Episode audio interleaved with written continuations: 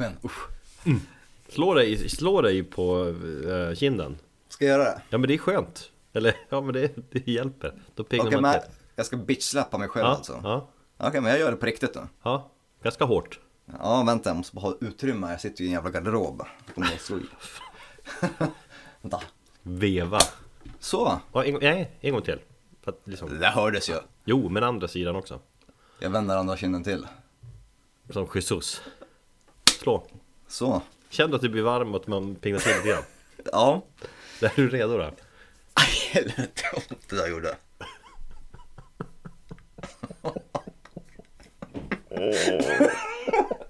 Varför? Vadå, jag gör ju jämt sådär. Ah, Ah, shit.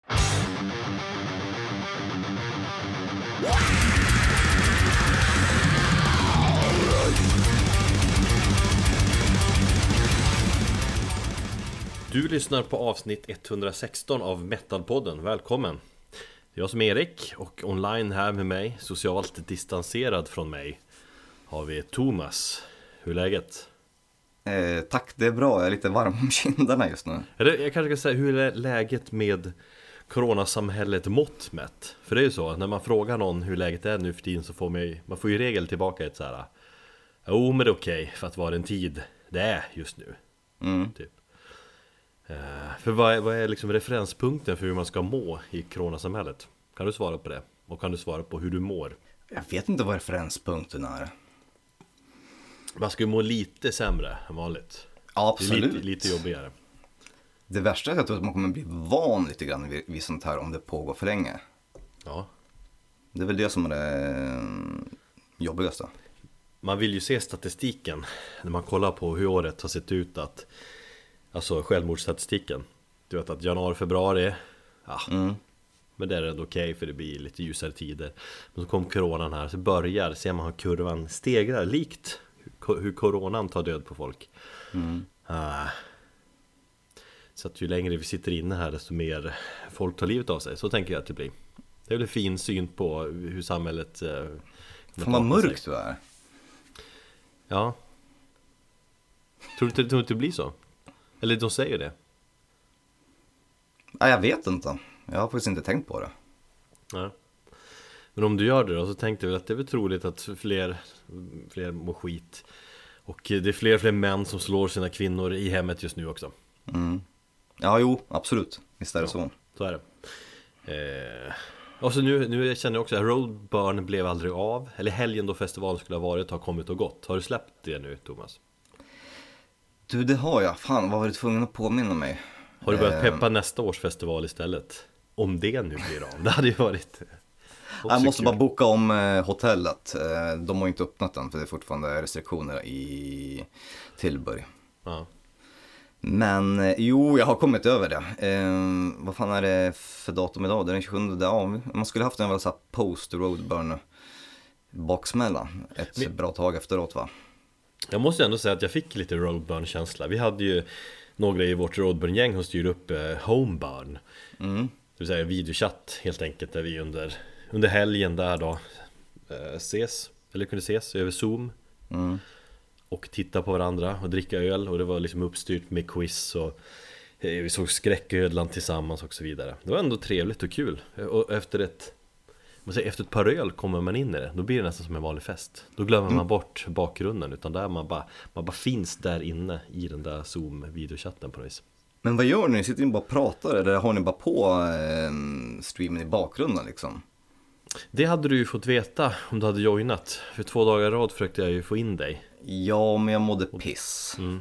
Men jag, jag tänkte ändå att du hade mått Bättre. må, Ja, må bättre om du hade joinat Bara Jo, skulle liksom jag- joinat in Tagit på några brillor för att vi inte skulle se hur mycket vi gråtit Och bara vinka Nej men jag, jag kan tänka så, jag kan rekommendera det allmänt till Skammen som jag kände.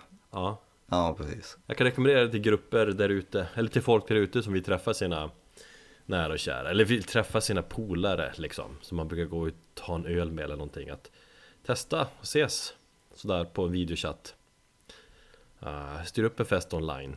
Ta några öl, det, det blir trevligt Vi kan väl göra det när eh, Katatonia eh, livestreamar va? Eh, ja, då kan vi göra något sånt igen. 9 maj i Studio Gröndal. Mm. Tycker det vore, det vore trevligt faktiskt. Det, Ja. jag, jag har ju inte peppat de här livestreamerna så jättemycket. Jag har inte sett, det enda, den enda livestreamen jag har sett är Miss Tyrming. Men den släpptes på Facebook eh, först så att det jag tror det tog två veckor innan den kom ut på, på YouTube. Mm. Det är lite, lite varierad kvalla på dem där också. Men jag gillar Miss det. Tyrming gör det jävligt bra. Ja. Så jag Okej. rekommenderar att se den om du vill bara se ett bra gig med, med bandet. Men jag gillar ju så fan det som Studio Gröndal gör. Som har, Mm. det är ju varje fredag så är det ett, eh, ett eh, gig. eh, Som bland annat är ju den här Rockpodden. Konkurrenten till oss. Alltså vi Mm. slår på käften. Han, Henke, arrangerar dem där på något vis. Mm. Eh, Men, det, det, är varje, det är varje fredag nu eller? Ja, typ. Så har det varit. All right. Det var Thunder Mother nu senast, så jag vet inte Mm. vad... Ja men Katatonia ska ju spela där också. Mm, just det, 9 maj. Ja. Mm. Så är det. Eh, vi har ett ganska späckat schema i det här avsnittet. Mm. Så eh, jag tyckte det är intressant, vi brukar ju slänga in ämnen allt eftersom liksom eh, när vi ska planera och så får det liksom växa fram till ett avsnitt. Det är alltid lite spännande tycker jag, att se vad det blir av det här. Ja, jag tror att jag drog ner mina egna pretensioner ganska mycket eh, inför det här avsnittet, vilket var ganska skönt att bara låta det växa fram. Ja, det är ganska skönt också. I, istället för att forcera någonting. Exakt. Och vi ska börja prata då om just Katatonia. Som släppte sin nya platta City Burials 24 april. Mm. Och det är en, en skiva som vi båda sett fram emot jävligt länge. Förra plattan släpptes i maj 2016, typ strax efter att vi har startat den här podden, så det är ju ett tag sedan. Det är det som är det sjuka, att eh, det känns som att Fall of Hearts är eh, yngre än så. Jag skulle- reflekterar över det idag. Mm, två år eller något sånt där, känns det som. Mm. Det är väl klassiskt. Ja. Katatonia. Katatonia, det är ju också ett namn som eh, man uttalar med ett svenskt, svenskt uttal väl? Likt Metallica, Pantera, Sepultura. För det finns väl ingenting som Hörru, heter? du, nej, nu ska du få um, höra någonting. Ända sedan vi startade den här podden, ända sedan jag lärde känna dig så har jag, har jag stört mig på att du säger Katatonia. Ja. Men aldrig eh, rättat dig. Eller känt ett behov av att rätta dig. För det är, det är ditt uttal på det. Ungefär som, eh, ungefär som när du säger Gefle Metal Fest. Ja, jag säger, jag är inte skyldig. Eller jag är väl skyldig till vissa saker jag också. Okej, men du menar att det är bara jag som gör det och ingen annan? Alltså, Jag har, jag har nog inte hört någon annan eh, uttala bandnamnet Katatonia. Jo, men det har man ju fan hört. Katatonia? Katatonia. Ja. Nej men det är många som säger katatonia. Och, det, och katatonia, okej det, det, det är ändå ett ord på engelska för På svenska Katatoni heter det kanske va? Är, är det översättningen? Jag vet inte om det riktigt är ett ord. Jag vill minnas att jag typ googlade precis i början när jag upptäckte bandet. Men det är väl Eh. typ ett sånt där komatillstånd man är, eller typ man bara ligger Man, nej, men det är katatonisk, men det är Ja. katatonic. Katatonia är tror jag bara någon egen omskrivelse av det ordet. Något sånt Mm. Okej, men katatonia då? Men då kan du gilla Jag kan ha fel, men då får, ja, jag kan ha fel. Om jag ska börja säga kata, katatonia Fan det känns, jag måste vänja mig Nej, du, det, det, det låter ju fel när du säger det så. då vill jag att du ska börja säga sepultura också Fast Okej. det gör jag ju inte. Eller Metallica, ska du börja säga Nej, men där, där kör jag, där kör jag sven- s- svengelskan. Ja. Katatoni. Katat, ja. Skitsamma. Nej, vi ska inte försöka vara någon jävla läkarpodden här och så. Men eh, vi valde att skjuta upp inspelningen av det här avsnittet faktiskt ett par dagar. Eh, för att ge oss själva tiden och möjlighet att lyssna in oss på den här plattan. Ja. Och då med, och göra det med, med den här äh, frågeställningen som vi nu ska svara på. Typ, eh, hur mycket berör Katatonias nya skiva i coronasamhället? Mm. Så Thomas, kan du svara på det? Berör plattan och hur mycket berör den dig? Jag skiter ju i din frågeställning, eh, rent utsagt. Nej, men eh, jag har väl kanske inte tänkt på, på i de banorna. Jag har haft lite... ja, men jag var ju inte sugen på att ta med dem först, för jag ville verkligen ta mig tid med, med skivan. Ja, Och jag kände inte att jag var i rätt eh, mode eller mindset för att eh, lyssna på den när den släpptes. Jag tänkte, ja men jag vill inte stressa fram någonting inför det här avsnittet. Att, Men sen ångrar du dig Och så tänkte jag att jag vill göra det här ändå då ja, jag hittade ett rätt, eh, rätt mindset så att, eh, där på fredagskvällen, så då, eller under, under hela fredagen egentligen och lyssnade på skivan och tänkte, nej men det här blir nog säkert skitbra. mm. Eh, dock så skulle jag ju premiärlyssnat på vinyl. Jag hade ju sparat mig sedan typ februari. På när jag fick reda på att skivan skulle släppas i maj. Så att det fick jag skita i.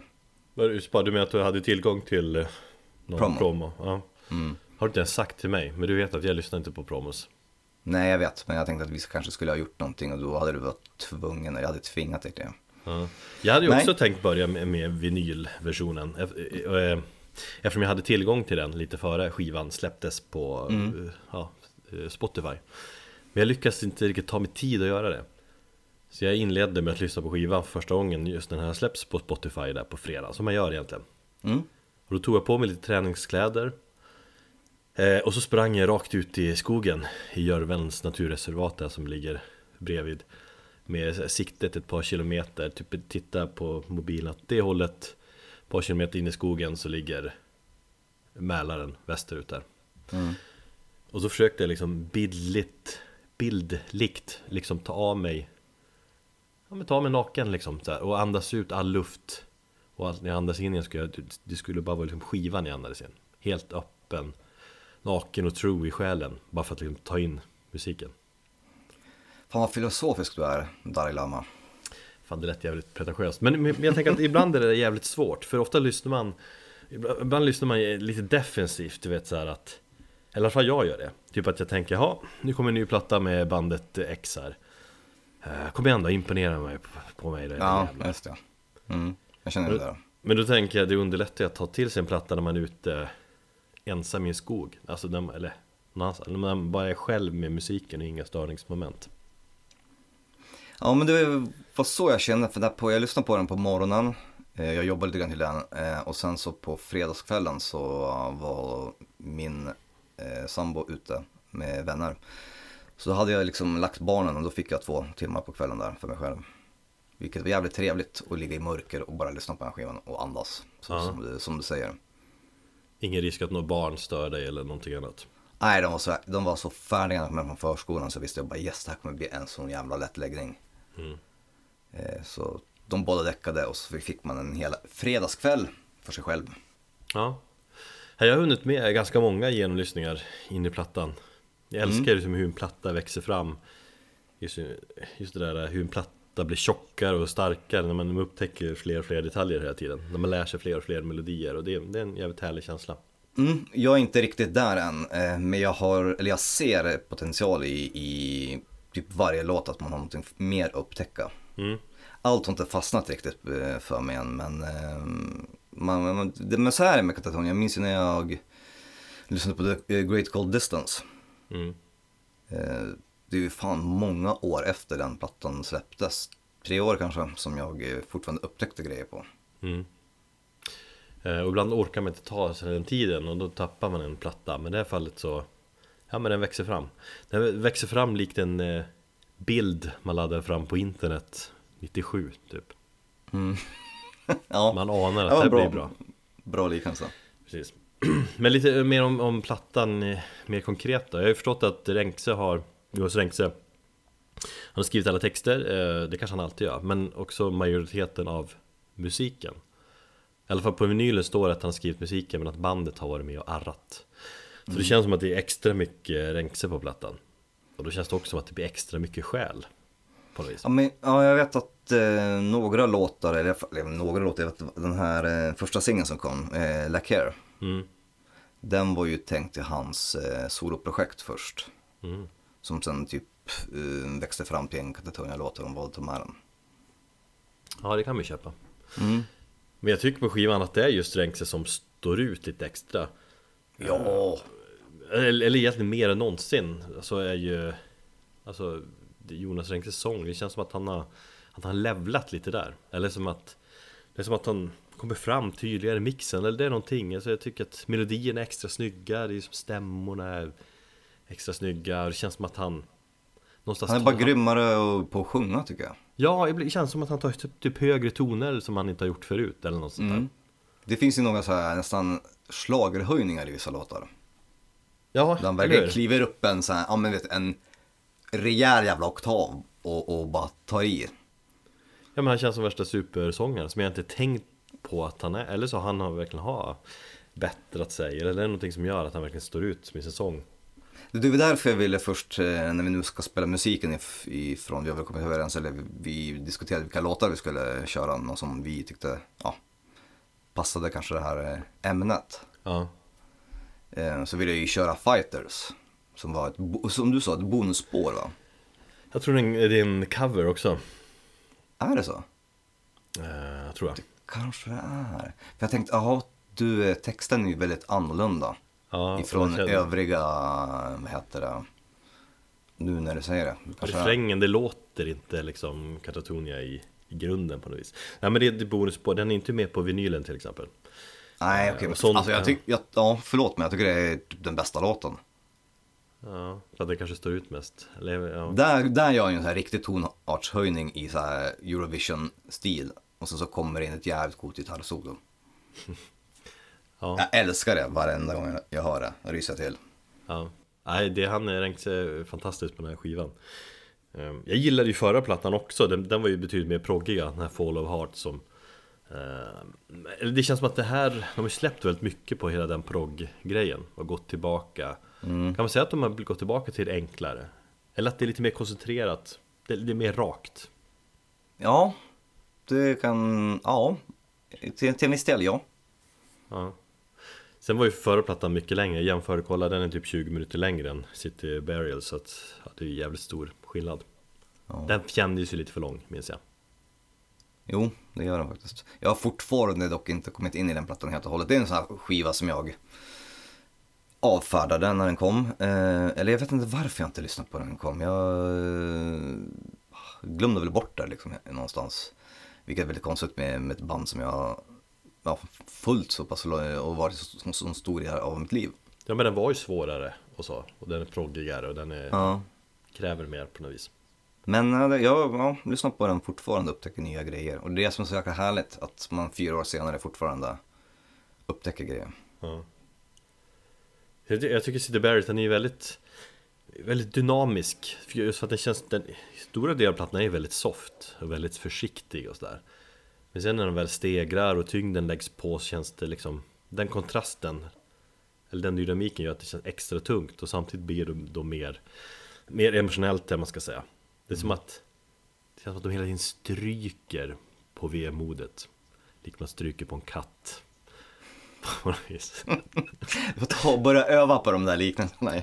Vissa gör sitter, det. men inte alla. Så att man hela tiden, nej men vemod är hela tiden jävligt härligt och närvarande på det viset. Ja. Nej men angående vemodigt, jag tänkt på det, det känns som att Det känns som att man tar till sig vemodet lite extra Eftersom de hade bandet på paus något år där Ah, Man fick känslan av att det knakar lite i bandet, eller hur? Nej, de var bara lite eh, utkörda. Tror jag alla kände att de bara ville fokusera på någonting annat.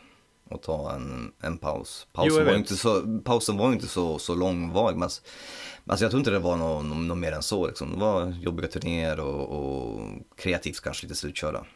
Jo, ja, ja, ja, jo men det var ändå, jag kommer ihåg att jag kände mig ändå lite orolig där Och så att det känns som att nu när de är tillbaka så Ja då kanske jag liksom, jag älskar dem lite extra mycket Att de, de, de är verkligen tillbaka Eller så känns det Kanske en blandning, kanske det är så att Rengse har valt att öppna upp sig lite extra också Eller att de koncentrerar sig på att göra extra bra platta När de väl nu gör som någon typ av liten halv comeback-platta. Mm. Ja, mm. Eller så är det bara coronakrisen. Jag tänker också att Om vi ska gå tillbaka till den frågeställningen att Coronakrisen påverkar ju Eller den här typen av musik Passar bra i en sån här tid. Då kommer närmare själen. Jonas sång och texter blir liksom Det blir en ännu tydligare samtalspartner för en när världen Är liksom så mörk och annorlunda just nu. Så känns det för mig i alla fall. Men om du hade lagt till en höst istället för vår eh, så hade det varit ännu bättre. I Katatonia mått mätt. hade det blivit för mörkt. Så, eller tänk no- november nu som man Tänk november förra året när man såg inte solen på Jag såg solen en gång den månaden mm. och, ja, snart är vi där igen Och coronakris det, då blir det för För mörkt kanske Summa summarum här, jag tror musik blir som bäst när man blir Totalt berörd, när känslorna kommer fram. Vi pratade om det där förra året Hur Opeth-låten Allting tar slut grep tag i oss. Är det det här kanske våran, eh, ja som förra årets Opus så blir Katatonia våran grej i år. Kanske, det är kanske lite för sökan på något vis Men jag minns att vi båda fällde en tår till den låten då, allting tar slut. Uh. Jag hade ju för ett liknande ögonblick nu När jag lyssnade på den här skivan, där i skogen. Och eh, just där gitarrsolot på, ja vad heter låten nu då? Untrodden. Untrodden. Ah, så jävla snyggt. Det är sånt fantastiskt fint gitarrsolo, jag vet inte vad det är. Men det, det, var, det var någonting med Någon blandning av liksom gitarrmelodin och just gitarrtonen som bara tog tag i mig När jag var där och hade gått lite halvvilse och försökte hitta ut från skogen. Mm. Ja, nej men det är en skiva som eh, har blivit berörd av Den kommer växa ytterligare Och vi får se vart den eh, tar vägen innan mm. året är slut här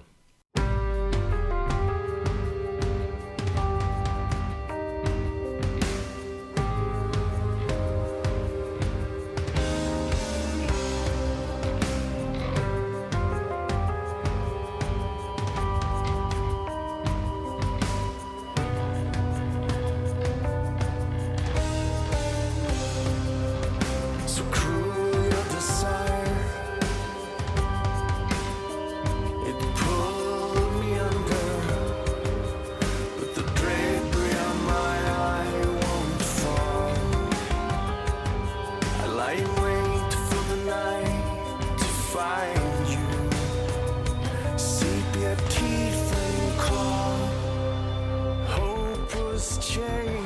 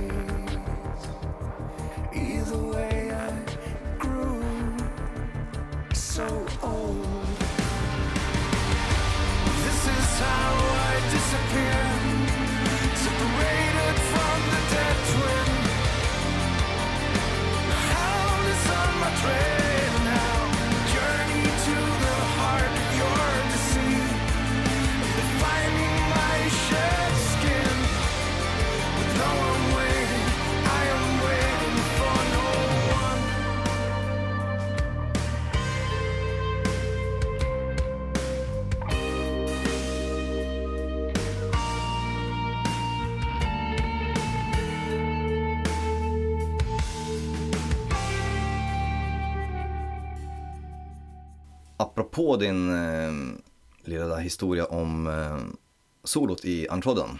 När du mm. fick det här, det här ögonblicket som du pratade om när du kände att det liksom bara säkert värmde till lite grann i hjärtat på dig va? Ja, jag kommer inte ihåg, jag måste nästan gå tillbaka till vår chatt. ja, men, eh, men jag blev Hel berörd. Helvete vad fint, sa du, jag gråter. Eller någonting sa du. Ja, helvete och fint, tårar. Så här. Men jag fällde en mm. tår där, det var bara så jävla upplösande på något vis. För jag hade en eh, sån, eh, ett sånt moment med Dool när jag var och gjorde en mil i skogen här för, häromveckan. Ja. Ja helvete vad du har pratat om den här plattan alltså.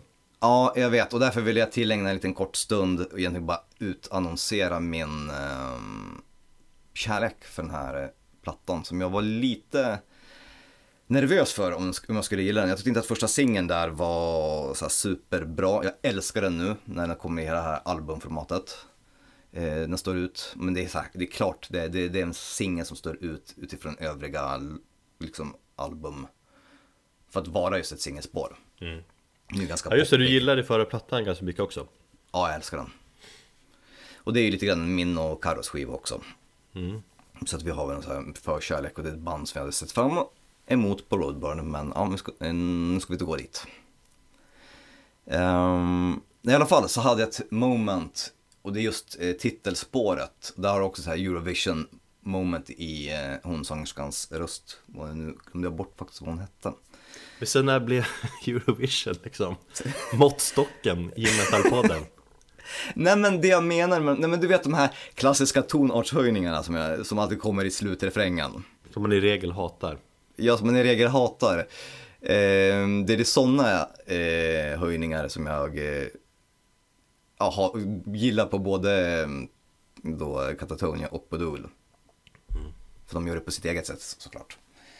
Eh, men då är det en, eh, just i titelspåret är det helt fantastiskt och då gick jag så här ner för en glänta och ut på sjön och så var det skitvarmt och så bara kom det här eh, tonartshöjningen och jag bara, ja, då hade jag också en sån här moment. Du skrev också någon gång att du hade varit och typ handlat och att du fick tårar när du lyssnade på den i bilen, var det inte så också? Det kanske jag gjorde faktiskt. Ja. Fan, det, det var så dramatiskt ögonblick så du har glömt bort det. ja. Nej men det är en fantastiskt bra skiva. Um, jag tycker den, den infriar allt som jag um, vill med egentligen plattan. Det är ju inte alltid vi lyssnar på varandras eh, tips, musiktips. Men du tog till dig det? Ja, nej men sådana gånger när du skriver så här och tänker okej okay då. Det här är en skiva som berör Thomas väldigt mycket. Så jag tog med mig den på en sen kvällspromenad, höll den i mm. handen och lyssnade. Eh, och lyssnade på den igen. Det är ju en fin platta. Även om jag skulle kanske behöva köra något varv till för att komma in i den helt så. Men jag är, jag är inte så intresserad av att göra det heller. För det känns som att det här är din platta, jag får inte plats i den liksom. Wow, vad homoerotiskt det där lät. Men vad fint! Om jag slår igång play och så bara, då ser jag bara dig, du öppnar dörren och sa kom igen, kom in här, häng med mig. Ja. Jag, ja det, det, finns alltid plats eh, för dig i, i, i mitt hem, i mitt själsliga hem. Så du behöver inte oroa dig för. Men, eh, nej men visst, visst kan det vara så. Mm. Jag, för, jag förstod ju inte din, din grej med, eh, ja, vad hette det där superproggiga bandet som du peppade så mycket i höstas? Mm. Wilderun. Wilderun, ja. Wilderun. Men jag känner, nej, mer Erik Platta. Ja. Nej men jag känner, jag kan, jag kan inte komma upp i din nivå av hur mycket du älskar den plattan. Men, eh, ja, okej, okay, platta. Fan, jag minns inte ens att jag skrev till dig första gången, så jag har alltså skrivit till dig två gånger. Jag har tjurat till den flera gånger. Frågan är hur många gånger du har tjurat till den plattan. ja, en del. I alla fall, eh, just den här eh, höjningen, den här så kallade slagerhöjningen som jag väljer att kalla den i titelspåret är helt fantastiskt eh, magnifikt och jag tycker att vi vill lyssna på den. Så här kommer Dool Summerland.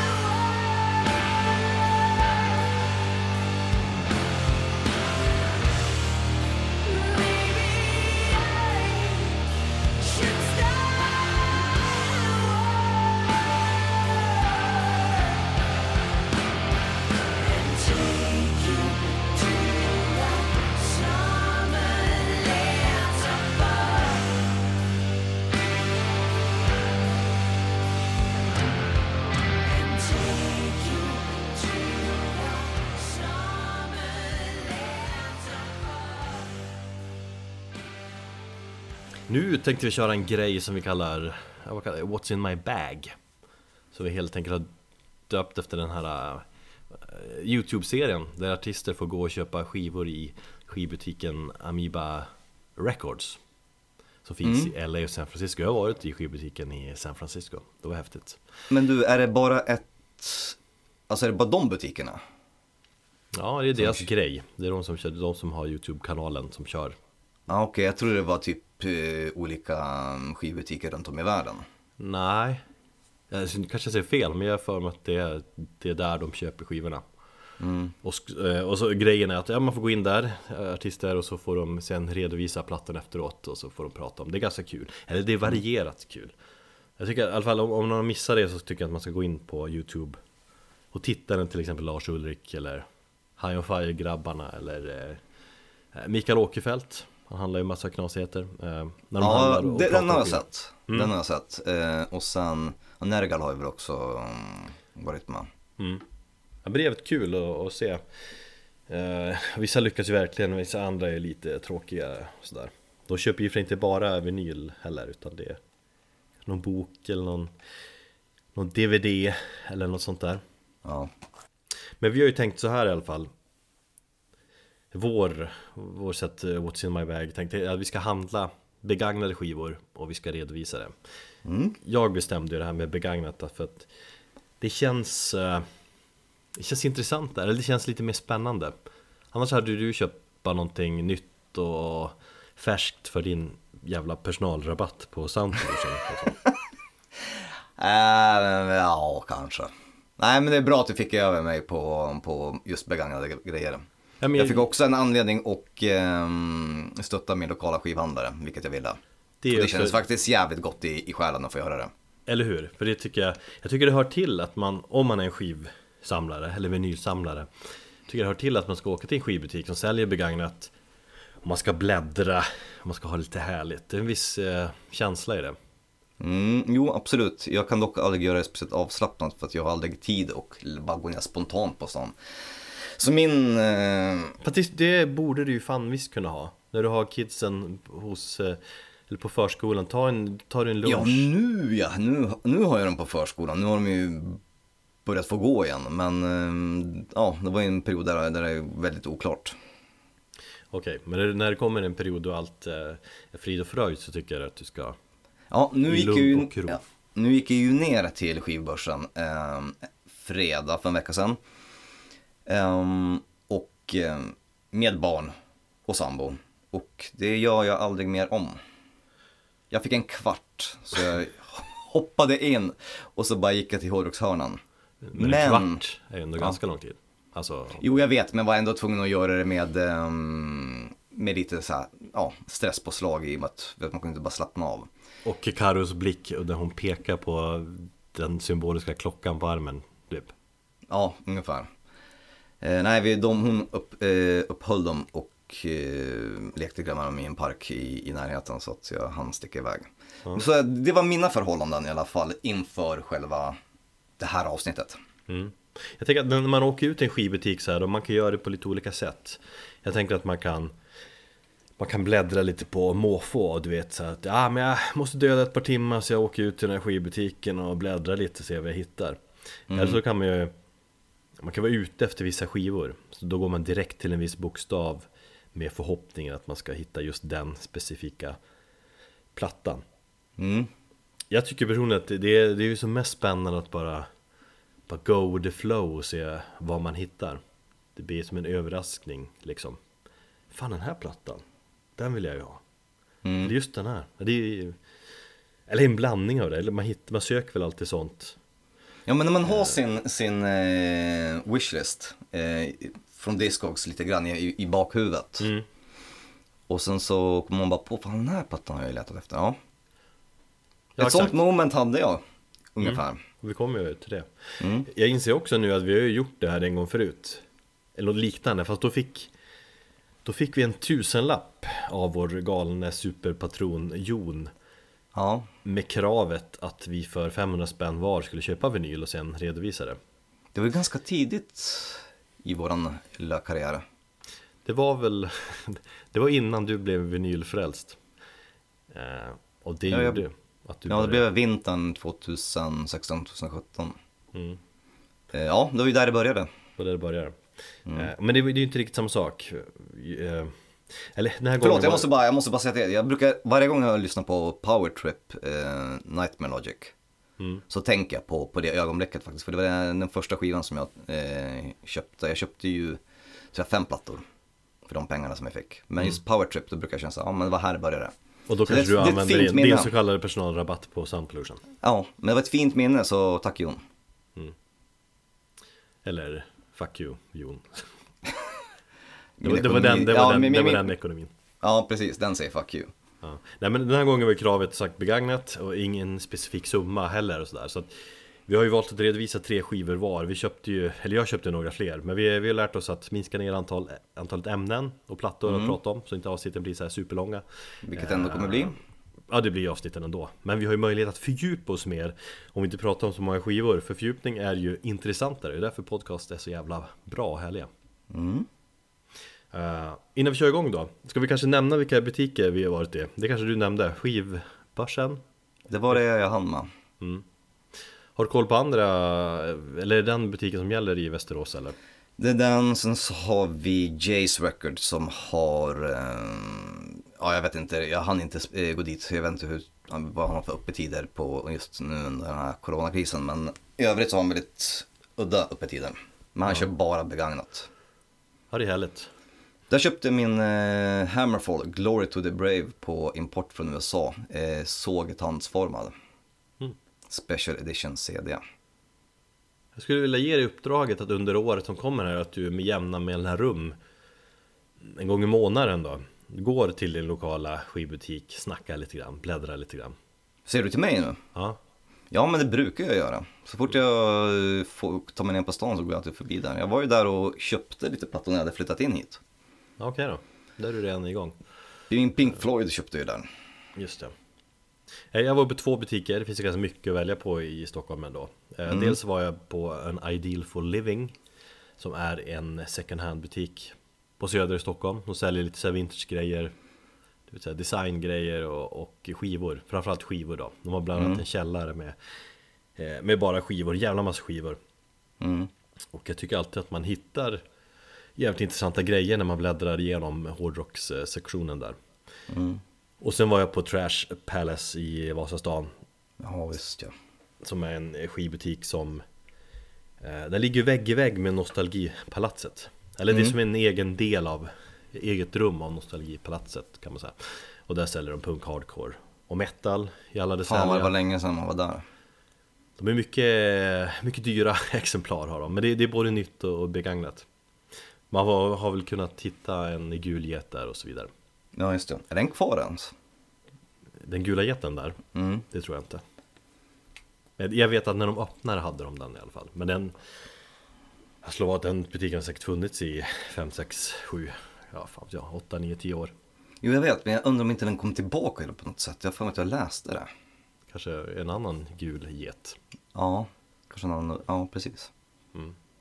Men sen får ju ni kära lyssnare gärna tipsa om era eh, era favoritskivbutiker. Jag har ju nästan bara koll på Stockholm, eller hyfsad koll tycker jag.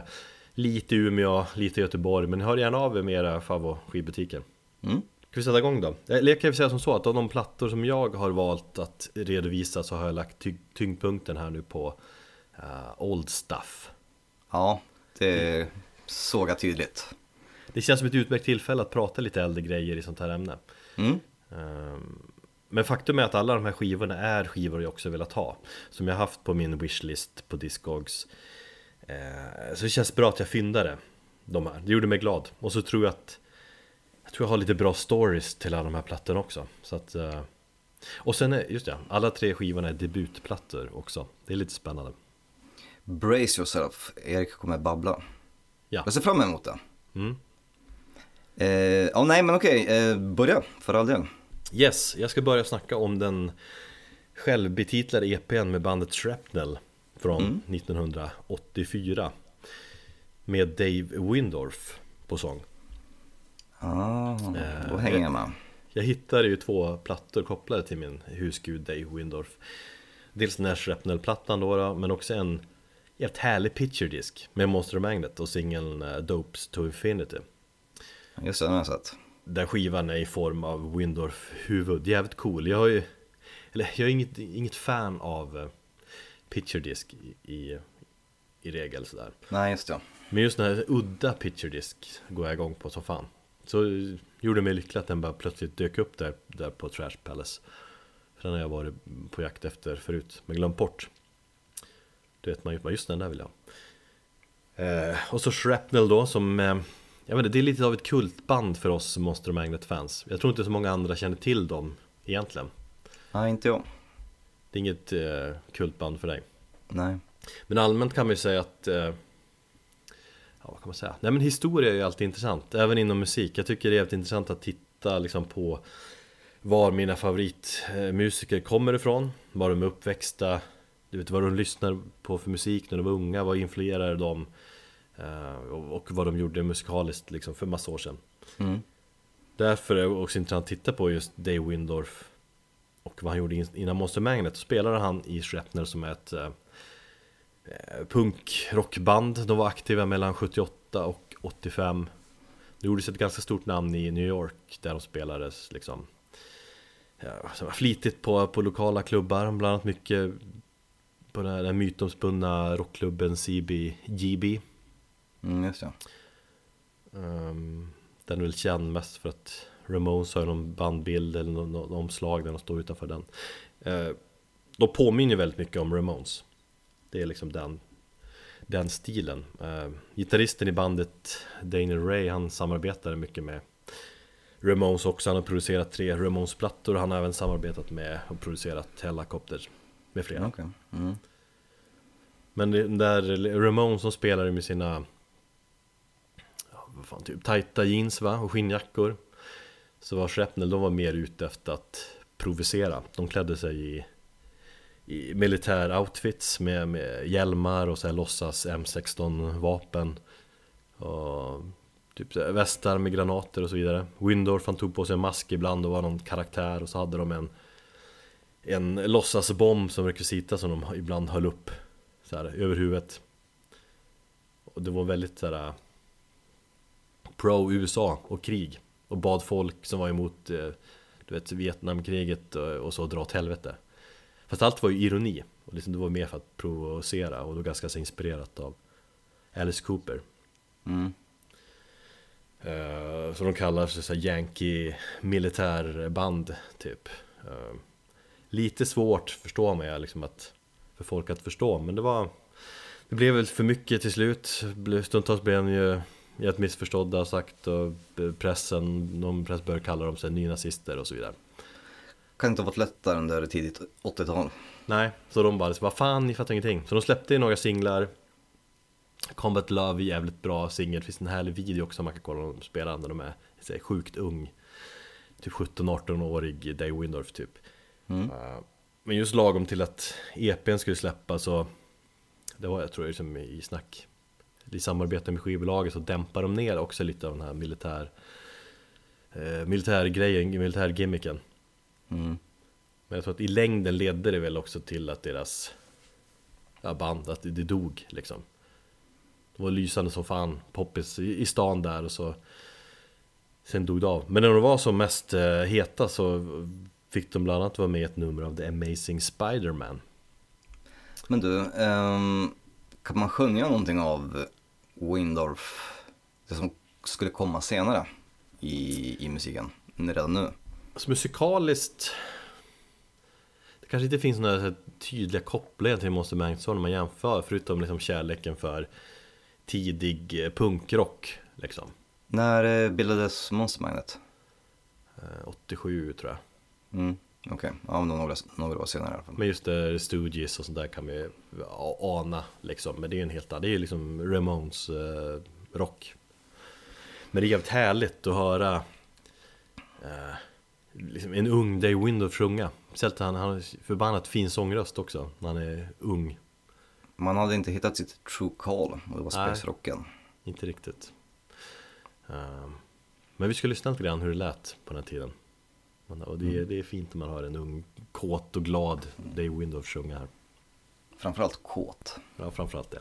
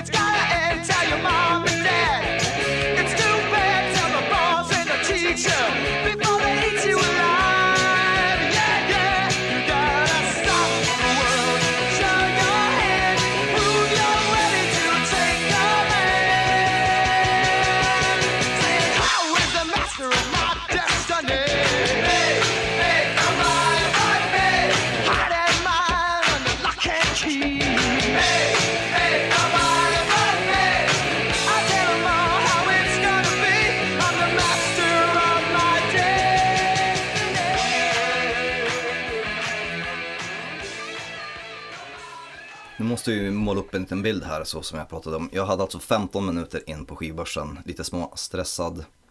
Du vet, man hade kämpat i två timmar med att klä på barnen. Då kom man ner på stan.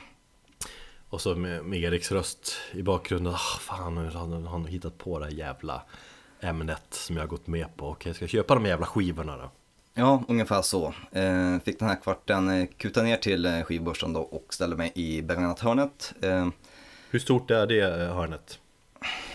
svårt att säga, men det är, det är ett gäng skivbackar där liksom, så du får ju så att det, säga att det är en,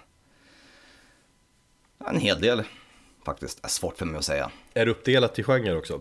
Ja, såklart.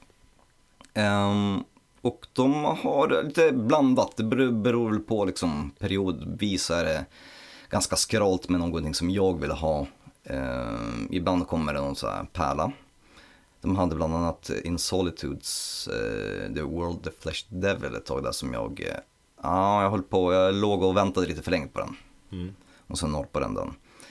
Eh, Men jag blev förvånad när jag eh, kom ner dit för eh, det var, de hade fått in väldigt mycket eh, begagnat. eh, Mycket fräsch musik också. eh, Som inte var bara, ja själva man märkte, det är som att folk, jag vet inte, de är i någon kris och börjar sälja plattor helt plötsligt. Det är kanske är corona som påverkar.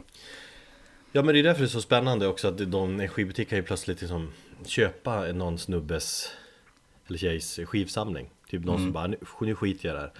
Nu tar, ta alla de här skivorna, ge mig en slant. Jag, jag pratade med, med Kent där som jobbade ehm, och han sa att eh, ja, de får ju inte in någonting nytt. Men däremot har de massa begagnat som folk kommer in med. Ja.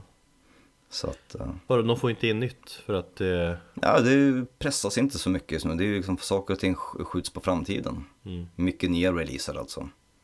Vad är det, Testament, nej inte Testament, vad heter de, eh, Carcass. ehm, har ju flyttat på sin release nu. Mm. Den ska ju släppas i 21 augusti. Jag tror det är fler band som också Ja, ja, det har jag också sett band som, ja, nej men vi väntar ett halvår Dels så vill, jag tror att Carcass inte vill göra det på grund av att eh, ja, de är rädda att folk kommer glömma bort skivan. Så, så lätt på dem. Eh, Medan andra tror jag det är vet, presserier som det är väntetider och sånt. Men eh, alltså framförallt större band, de väntar väl just med att eh, för att de vill marknadsföra skivan på bästa sätt och- då genom att ut och turnera för det är så man drar in pengar man får inga pengar genom skivförsäljning direkt utan man vill släppa en skiva och då känner de, är de heta och då samtidigt ha en turné inbokad Absolut, tror jag större band som lever på det. Som typ Carcass eh, och ligger på Nuclear Blast som, som pröjsar det mesta liksom. Det tror Mm. jag definitivt. I alla fall. ehm, jag hittade tre skivor, eller hittade fem skivor. Eh, ganska så omgående. Och kände bara att wow, jag behöver egentligen inte bläddra eh, något mer. Ehm, det gick ganska fort, så att, eh, men jag gjorde bara en snabb eh, check. Kolla om jag hade någonting mer. Ibland så jag, jag brukar alltid göra så här, man bläddrar, den kan jag tänka mig, lyfter jag upp den Och så Den lägger man kan jag sidan, tänka mig, så lägger man Mm. åt sidan och så håller man på så kanske man har en, ett gäng skivor och så liksom tittar man på dem och så vilken vill jag ha mest? Så prioriterar man lite grann utifrån prislapp och sug och sådär Mm. Ehm, exakt så som jag tänkte och jag valde bort eh, Cobalt Gin. Ehm, hade jag faktiskt ve- velat ha men, men den var lite för dyr. Eh, och så valde jag bort eh, Deep Purples Fireball. Jävligt bra platta dock Mm, jag vet och jag funderar på att jag springer hit och köper den eh, innan någon annan norpar den. För att, ja, jag vill ha den. Men eh, jag tänkte så här, jag tar någonting gammalt. Jag tar någonting som jag känner till som är kanske från det här årtiondet och så tar jag någonting nytt. Och så blev det.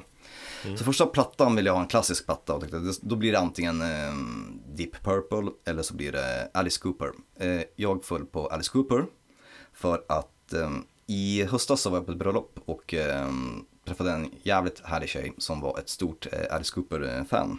Jag tror jag nämnde det till och med i något avsnitt eh, precis efteråt. mm.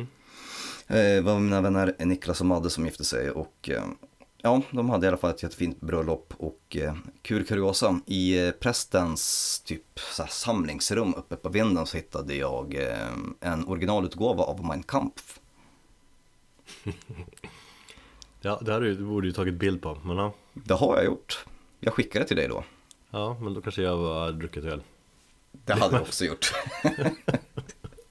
Hur som helst, eh, det var ett sidospår. Mm, så eh, träffade jag den här tjejen då, och eh, som jag inte minns namnet på nu, men sjukt härlig och ehm, hon var sånt jävla nördigt fan av Alice Cooper så det, man såg glöden i ögonen när hon pratade om Alice Cooper. Och det var så härligt, för jag kände igen lite grann av mig själv i det. Men var det före eller efter vi spelade in eh, skräckrockavsnittet? Bröllopet var före, så att därför blev jag ju lite mer inspirerad av att prata Alice Cooper i det avsnittet också. Ja, det. Föranledde väldigt mycket av eh, diskussionerna och, och eh, kring Alice Cooper inför det avsnittet. Mm. Vill jag minnas. Och då lovade jag mig själv att, eh, varje år brukar jag lova mig själv lite grann så här att, ja men det finns någon så här klassisk artist som jag har ganska dålig koll på som jag ska försöka komma in under året. Förra året så var det Judas Priest. Så jag köpte lite plattor på vinylmässan och, och så, så jag har typ tre plattor med dem. Jag tänkte, men i år får det bli Alice Cooper. Mm. Och det vet jag också är någonting som min sambo diggar. Och det fick bli plattan Trash. Och jag inser också att jag är pinsamt okunnig om, om väldigt mycket av, om Ask Cooper. Faktiskt. Ja, det var lite förvånande val kanske Eller Det beror på hur man ser på, han har gjort så jävla mycket Vi snackar ju säkert en del om honom i, i det här skräckavsnittet Men Trash det är ju liksom Alice Coopers Desmond Child-platta Säger mig ingenting. Man kan tycka Vet inte vem Desmond Child är? Eh, Man kan tycka lite vad man vill om, om Desmond Child Men allt han tar i Eller allt han tog i på 80-talet blev ju Liksom superhits Han har ju verkligen ett eh, Sinne för melodier får man väl säga Hör man liksom en, en sån här rock eh, superhit Från 80-talet Då, Okej, så- då, Ja, kan- då okej, kan man liksom säga, då, då kan man gissa, där är det 50% chans att det, det är Desmond Child. Nu känner jag igen honom. Det är så här, ja men Poison, Alice Cooper tänker man på. Jag, jag, jag vet Mass, inte. Massa alla de här Bon Jovi-hitsen eh, I was made for loving you, eh, Heavens on fire vet jag. Eh, Den här Dude looks like Lady Aerosmith, det är Desmond Child också. Det var den här tiden då eller Jag kan se lite grann när- när banden bara "Ah, Nu har vi gett upp, ska vi låta, nu tar vi in någon annan Ja. Och då faller lite den här eh, bilden, Ja, det- bilden det är av- av ett band Det är lite grann det jag kände också att när jag pratade med den här tjejen så, så frågade jag henne, vad är någon, nämn någon dålig platta med Alice Cooper. Hon sa det finns inga dåliga. Eh, jag som inte har så jättebra koll visste ju inte, jag vill ofta när jag köper någonting begagnat eller någonting så vill jag veta åtminstone att det är någon bra platta. Så att man inte tar till exempel, ja fan vet jag, eh, Cold Lake till exempel. Och bara fan det här var ju riktigt jävla dåligt. Så, men jag visste faktiskt inte, jag vet inte hur, hur Trash rankas i diskografin förutom just ja, att den har Poison och no, no, några andra få låtar som jag känner till. Hitmässigt är väl hans liksom eh, största platta ska jag nästan gissa Ja det känns lite grann som det. Ja, Men jag jag hade förväntat mig kanske lite mer, mindre glam om man säger så, eller mindre hittar och lite mer skräckrock. ja men det är ju 70-talet Alltså dels det när han hade, eller de, de plattorna han släppte med bandet, Alice Cooper Band liksom De är ju coolast Sen Jag har, kanske borde ha gjort lite research i, ja, i vårt eget avsnitt inför köpet. Men ja. Nej men det var ju kul val Men det är ju verkligen, det är sent 80-tal och det är verkligen super 80 över hela grejen Och det är Desmond Child filter över hela, hela plattan Mm, men eh, jag diggar den och det var mitt, det fick bli mitt klassiska val. Eh, vi lyssnar på låten Spark in the Dark.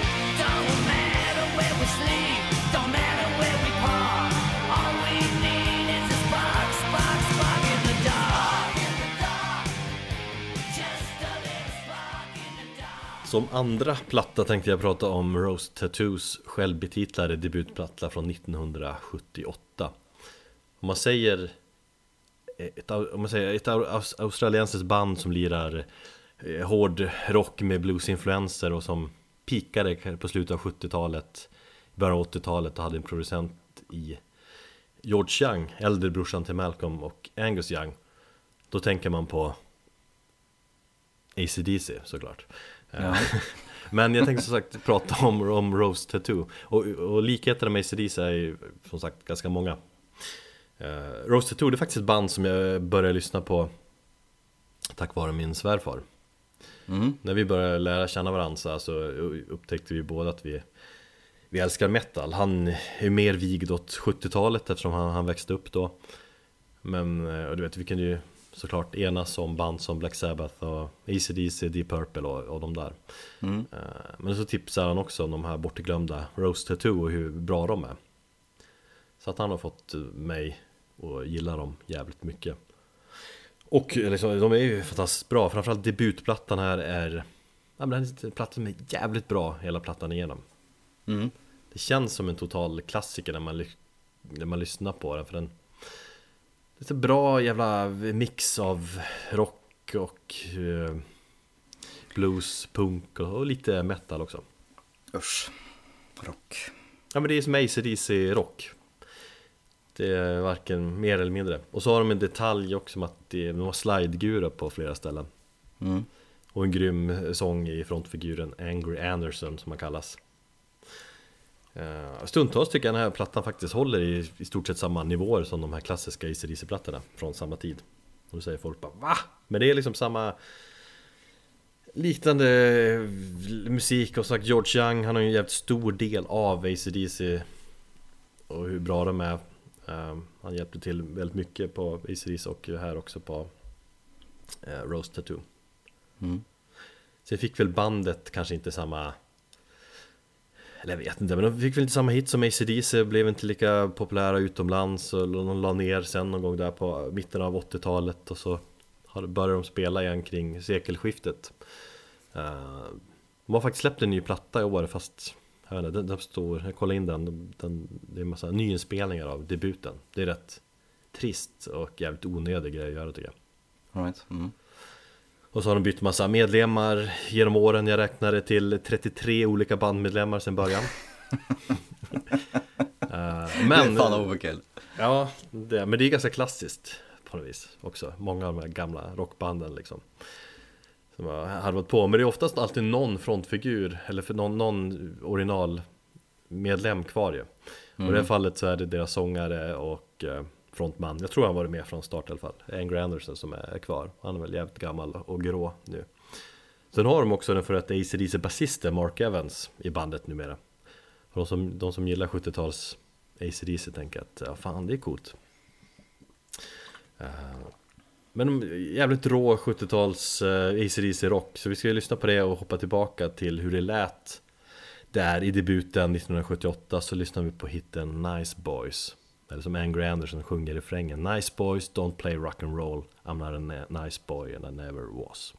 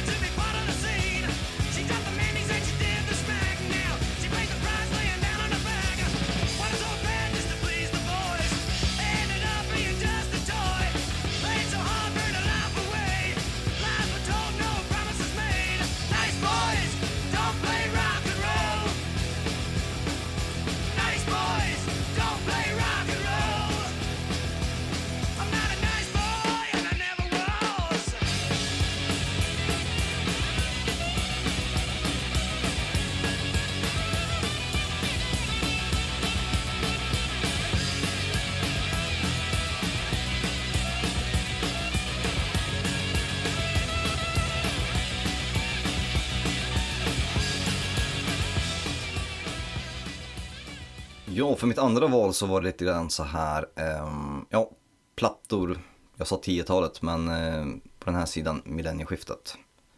Och då stod jag och valde mellan Coffins och eh, då Cobalt. Och så följde jag på Coffins, för jag har alltid velat ha någonting med dem. Jag var nära på att köpa deras senaste platta. Som gick mig Ah, Den gick mig inte förbi, men, men den smög lite grann under radarn och jag har inte hunnit sätta mig in i den riktigt ordentligt än. Ja, man gillar ju Coffins Eh, Jag ska inte säga att jag har någon Coffins vinyl heller Men de är de är så jävla råa Ja, precis. Jag bara älskar deras enkla, punkiga dödsdom. Ja, Den är svängig, det är, det är liksom, det är inget, inget krusiduller utan det är bara rakt på, kort och koncist. och jävligt rått och jävligt maffigt sound tycker jag Mm, Och precis. så, sen blir de ju extra coola också eftersom de är japaner, visst är det? Ja, ja absolut. Det är fan spä på ytterligare 100%. Jag går, går igång på, på eh, japaner. Ja. Eh, Jag kollar in på de- deras diskografi faktiskt på, på Metal Archives och fan vad de har släppt mycket Inte jättemånga studioalbum men det är ju ja, exakt, det är tusen splittar typ Mm, precis. Jo. jo, men det är sånt band som, split, eh, som släpper väldigt mycket splittar. Jag tror det är med. Många japanska undergroundband. Billigare och eh, mer ekonomiskt. Liksom. Vinyl samlar eh, vänligt som fan Ja, absolut. Även om jag samlar på ja. sp- splittar direkt. Men Kanske ska börja ja, kanske. Ja, i och för sig. Jag har funderat på Iron Reagan eh, Gatecreeper-splitten där. Den, det är en sån här platta som stått inne på Sound Production nu ett bra tag. Som jag alltid när jag brukar bläddra så säger jag den här ska jag nog ha. Ibland träffar man ju på såna här band, eller man har sina favoritband så tänker man att fan, jag ska skaffa allt de har släppt på vinyl inte så Har du, har du, förlåt, men har du något helt bands diskografi? Hela? Du har flera va? Bombus har jag allt de har släppt på vinyl Okej. Och nu tror jag att uh, min kompis Aron här skriker så att Har du inte alls, du har inte den där japanska CD med den där uh, bonuslåten som du måste köpa. Har han det? Ja det har han ju. Men jag har, jag har, allt på vinyl i alla fall. Mm. Inte jättemycket. Men jag är ju som eh, Mastron, jag köper lite Mastron-plattor då och då.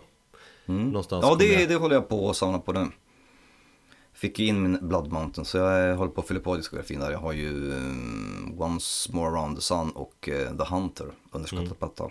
Men jag är inne på singlar där Och splittar och grejer De flesta kan man få tag på hyfsat pris Men det finns ju några så dyrgripar som man känner "Ah." Fast någon gång kommer jag hamna där och tänka att okej Nu är det bara de här singlarna kvar Då får jag lägga ut de här tusenlapparna Mm. Nej, men jag har, eh, jag har, jag brukar köra så här att jag, men när jag har ett bands dis, dis, hela diskografi, alltså fullängdsalbum, då är jag nöjd. Jag behöver inte ha massa sidogrejer där känner jag. Ehm, och det har jag ju med Bolt Thrower, som jag är ganska nöjd över.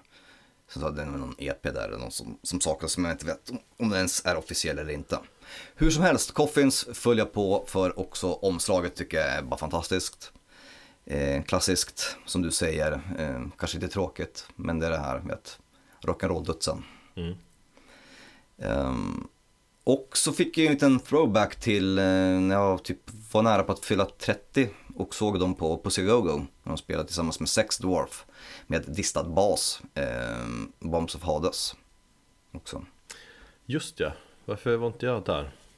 Det vet jag inte. Jag och Kim var där. Det var en sån här magisk kväll som kommer sitta länge i. Mm, både, jag tror jag stagesurfade för första gången där och crowdsurfade. Nej, jag var med då det, då. Det var du fan, det var du. Så det var inte det giget Eller så var det det giget utan att jag kommer ihåg det men Jo, men det var ju du som kom på, det var du som började skrika. Det är så jävla sexigt med, med distad bas. Jag höll på att mässa det till folk och du skrev det på Twitter då också. Sex dwarf, så Nej. jävla sexigt med distad bas. mm, Nej, jag tror att det Du var var ett så jävla kåt på den. Men det var, nej, det var nog ett annat band eller annan spelning som du Nej, det var sex dwarf. Vad fan ja, okej Kim kan, Kim kan intyga. Ja, Hur som helst, det var i alla fall en, en, en grym kväll. Ehm, så jag fick lite, mm, lite throwback till, till mm, just den spelningen. Nej, men då följer jag för Coffins. Och det är som sagt, det är ju enkelt och koncist med dem, vilket jag gillar. Vi lyssnar på Altars in Gore.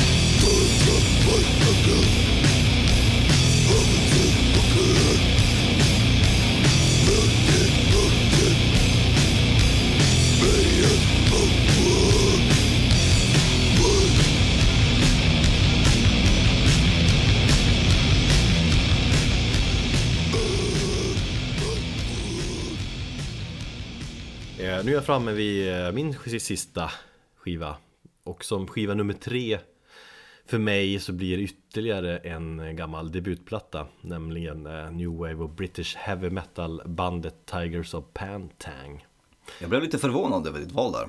Och deras debut Wildcat Varför då? Det är väl ett Nej, jag, jag, nej, jag vet inte. Jag har inte så jättebra koll på dem, eller på deras musik på det sättet. Nej, men det, det, är, det är ju sån här platta som jag velat ha länge också Som jag har haft så här uppskriven. Och så kom den bara fram där När man bläddrar och tänker fan, här ska jag ju ha. Eh, Nej men de, de var ju en del av den här rörelsen bland Kan man kalla det en rörelse? Men, men bland engelska band i slutet av 70-talet Som blandade den här 70-tals heavy metal Lite mer punkigare och aggressiva Aggressiva tongångar. New Wave och British Heavy Metal Definitionen där.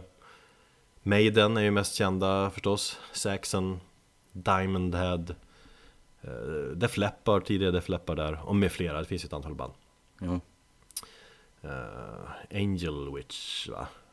Ja skitsamma uh, Men Tigers of Pantang, varför känner jag och många andra till det bandet? Ja du.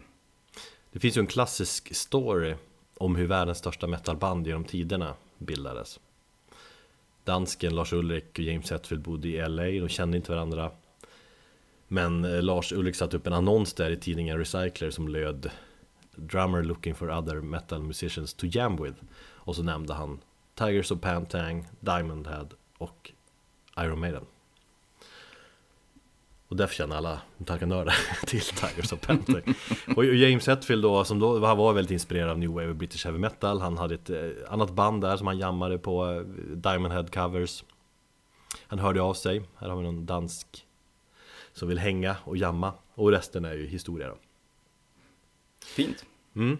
Och det är lite intressant, Iron Maiden har Metallica gjort en cover på. Eh, Diamond Head Jag tror det är tre. Det är fyra Diamond Head-låtar som Metallica har tolkat och spelat in. De har ju levt på, eller man kan säga Diamond Head, Diamond Head lever ju på Metallica. Ja. Eh, Däremot har de aldrig gjort en cover på Tigers of Pantang tyvärr Trots att både Lars och James har nämnt dem som en liksom tydlig influens. Och det är liksom Det är inget de är hemliga med direkt heller. Hetfield brukar ju Jag har kollat in hans uh, Battle Vest, eller bäst Men hans västar som han har när han spelar live. Mm. Då har han ju en patch liksom med omslaget till den här plattan. Wildcat-plattan.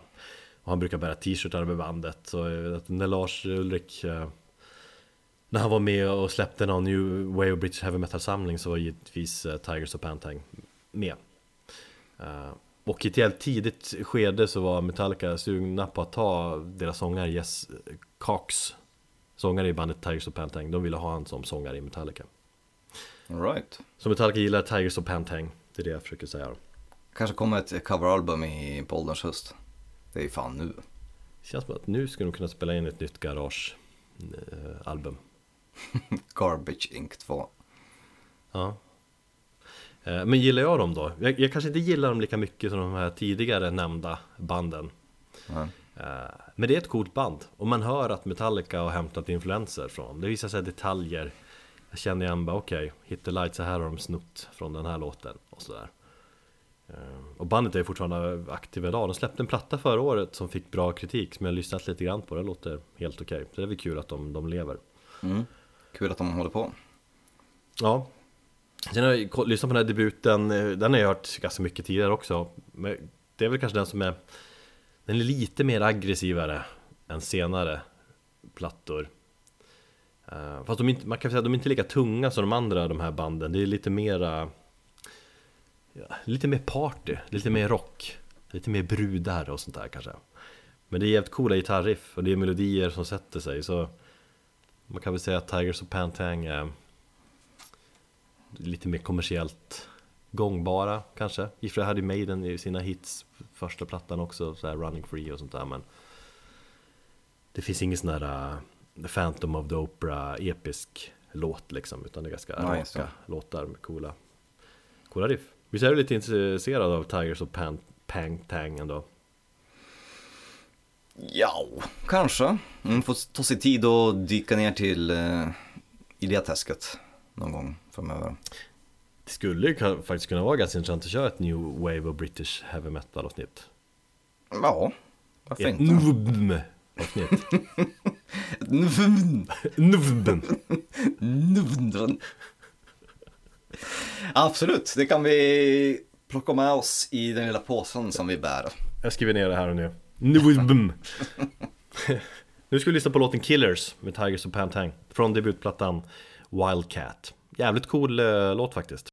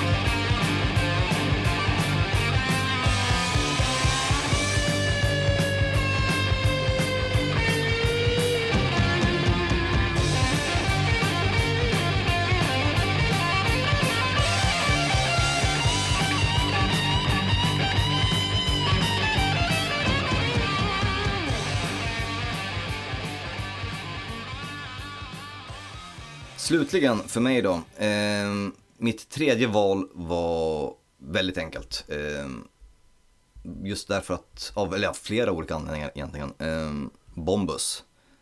Eh, det var den första plattan som jag hittade. Vad heter de? Eh. Bombus. Bombus. Låter som ett spännande band. Måste jag kolla upp. Ja, Skämt åsido, jag är fan förvånad där, eller Och lite chockad, lite besviken över att du inte har haft den här plattan sen tidigare där kom det. Ja, exakt. Eh, lite så kände jag också. Jag Det är ju har den bästa Bombus-plattan! Ja, absolut. Jag Eller? skulle fan vilja ha, ja, biblical, vet fan. Ja, det här kan vi ju diskutera, det beror på humör. Vilken platta pratar vi om? Eh, the Poet and the Parrot.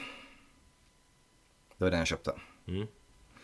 Eh, nu ska jag gärna vilja ha biblical. Eh, nej, men just därför kände jag så här. Jag äger ingenting med, med Bombus. Eh, när vi såg dem i Stockholm här senast så köpte jag keps istället. Som jag bär med stolthet varje dag. Jag älskar den kepsen. Konserten i Stockholm tänkte jag så här. Det är ju kanske, det är min senaste konsert jag var på. Du har ju varit på några andra. Sedan dess. Eh, så det är ju också någonting som helt plötsligt blev lite mer förstärkt, det minnet. Men var inte det min sista också? Nej, Slipknot kanske var min sista Ja. Bra minne där, bra kväll, full, glad och trevligt, bra musik. Eh, se Bombus. Eh, ja, för första gången på väldigt länge. Så att, eh, och nu när man sitter i den här coronakrisen så bara kände jag så här, vad fan. Ja, man, man på något sätt värdesätter den där kvällen ännu mer nu. Det var en jävla peak från din sida också Du kunde ju Ja, inte ja, avsluta ditt konsertliv bättre än så Nej, egentligen inte. Precis. Så att eh, man kan ju egentligen lägga ner härifrån. Men jag tänkte också så här att vi kanske sitter i den här skiten ett tag till framöver. Då är det i alla fall ett bra minne att bära med sig. Och faktumet att jag inte har någon Bombus sedan tidigare och skammen som jag kände över det. Och så heter den här sprillans nya begagnade, fortfarande inplastade, The Poet and the Parrot. Jaha. För eh, 200 kronor. Så tänkte jag, nej, taget. Men vadå, den var helt mint alltså? Mint condition. Inte, äh, vad fan. Mm, Det var bra. Ja, så att, eh, det känns som ett riktigt fynd som jag gjorde där och då kände jag att ja, men det är helt klart att jag måste ha den. Ja. Och så kände man så här, ja, men såklart jag ska ha den. Mm. Där kom Ja, det det, liksom. är- det är inget snack. Eh, nej men det förstår jag. Däremot kommer du kanske få lägga lite mer pengar på den självbetitlade debuten där. Ja, och den tror jag är väldigt svår att få tag på. Absolut. Mm. Och eh, vad fan, det skadade ju aldrig med lite Bombus i den här podden. Blev inte kallade för Bombuspodden här nyligen av någon eh, lyssnare. Fan vad ni pratar Bombus hela tiden. Ja, det var ju tidigare, men sen Sen kanske i och för sig i samband med plattan där och vi pratade mycket om, om Ja, sen blev det ju lite, lite uppehåll där. Men, men eh, jag vet, ja. En gång Bombuspodden, alltid Bombuspodden Precis. Sen kan man ju kanske bli, eh, jag gillar det här valet nu ändå Känner jag, jag börjar komma igång, jag känner eh, Om man tycker att liksom, om man inte, kanske, kanske inte har hört den här plattan heller. Och Kanske inte riktigt förstått vad fan är grejen med Bombus? Och det är det här är Det här är ju bästa plattan ändå. Var, Ja, och det är det jag känner när jag lyssnar på, på alltså, jag älskar liksom den här, alltså dual-sången, alltså att Mm. två, två sångare, det är så jävla kraftfullt och, och snyggt. Och jag Det- kan sakna det. På, Det är på- på tydligast scenen. på, på den här plattan och det är, det är en viss råhet och liksom punkighet över den här plattan som eh, Det blir lite mer arena rock senare Precis. Så att, nej, det är ett bra, bra monument över, över ja, Bombus tycker jag. Det jag hör, eller det jag tänker på när jag hör den här plattan det är bara att de headbangare som fan det är så, Jag blir så jäkla inspirerad att se dem live i den här tiden också svårt att hålla i det här headbangandet, det förstår jag ju Men det var ju som att alla, de hade basist där också som alla headbangare unisont hela tiden kändes det som I varje låt Med det sagt så tror jag inte att en Bombus-spelning, eh, alltså streama den, skulle göra bandet rättvisa. Jag tror inte det skulle vara något bra alls. Man måste ju uppleva dem live. ja. Det, eller vad tror du? Om de skulle dra på en, en, en effektfull eh, livestreaming. Där på Studio Gröndal, ja men det hade ju säkert blivit helt okej ändå. Alltså du kan ju aldrig mäta sig med det riktiga. Däremot tycker jag skräcköla-spelen var ju faktiskt riktigt bra. För att det är så bra ljud och liksom olika kameravinklar och sånt. Men, ja, därför tror jag att Katatonia kan funka. Speciellt om det blir lite mer eh, vemodigt och, och så. Mm, har du rätt i. Men mitt problem med Bombus idag är ju att i och med att man har tappat ena frontmannen där som vi har pratat om så eh, Ja, jag vet inte hur jag ska ställa mig till det här bandet Alltså det är klart de, de fortsätter och sådär Men det är, det är liksom det, man är lite Jag är lite skadad. Trasig i min själ för att Bombus är inte vad det har varit Nej, jag förstår det. Men jag älskar fortfarande bandet, inte så men ja. Så många besvikelser som man har varit med genom åren. Det här är inte din sista heller. Nej, så är det ju Så är det. Och med det tänker vi avsluta det här avsnittet. Mm. Gott så. Nu kör vi lite Bombus och låten Apparatus och till nästa gång, ta hand om er. Godnatt!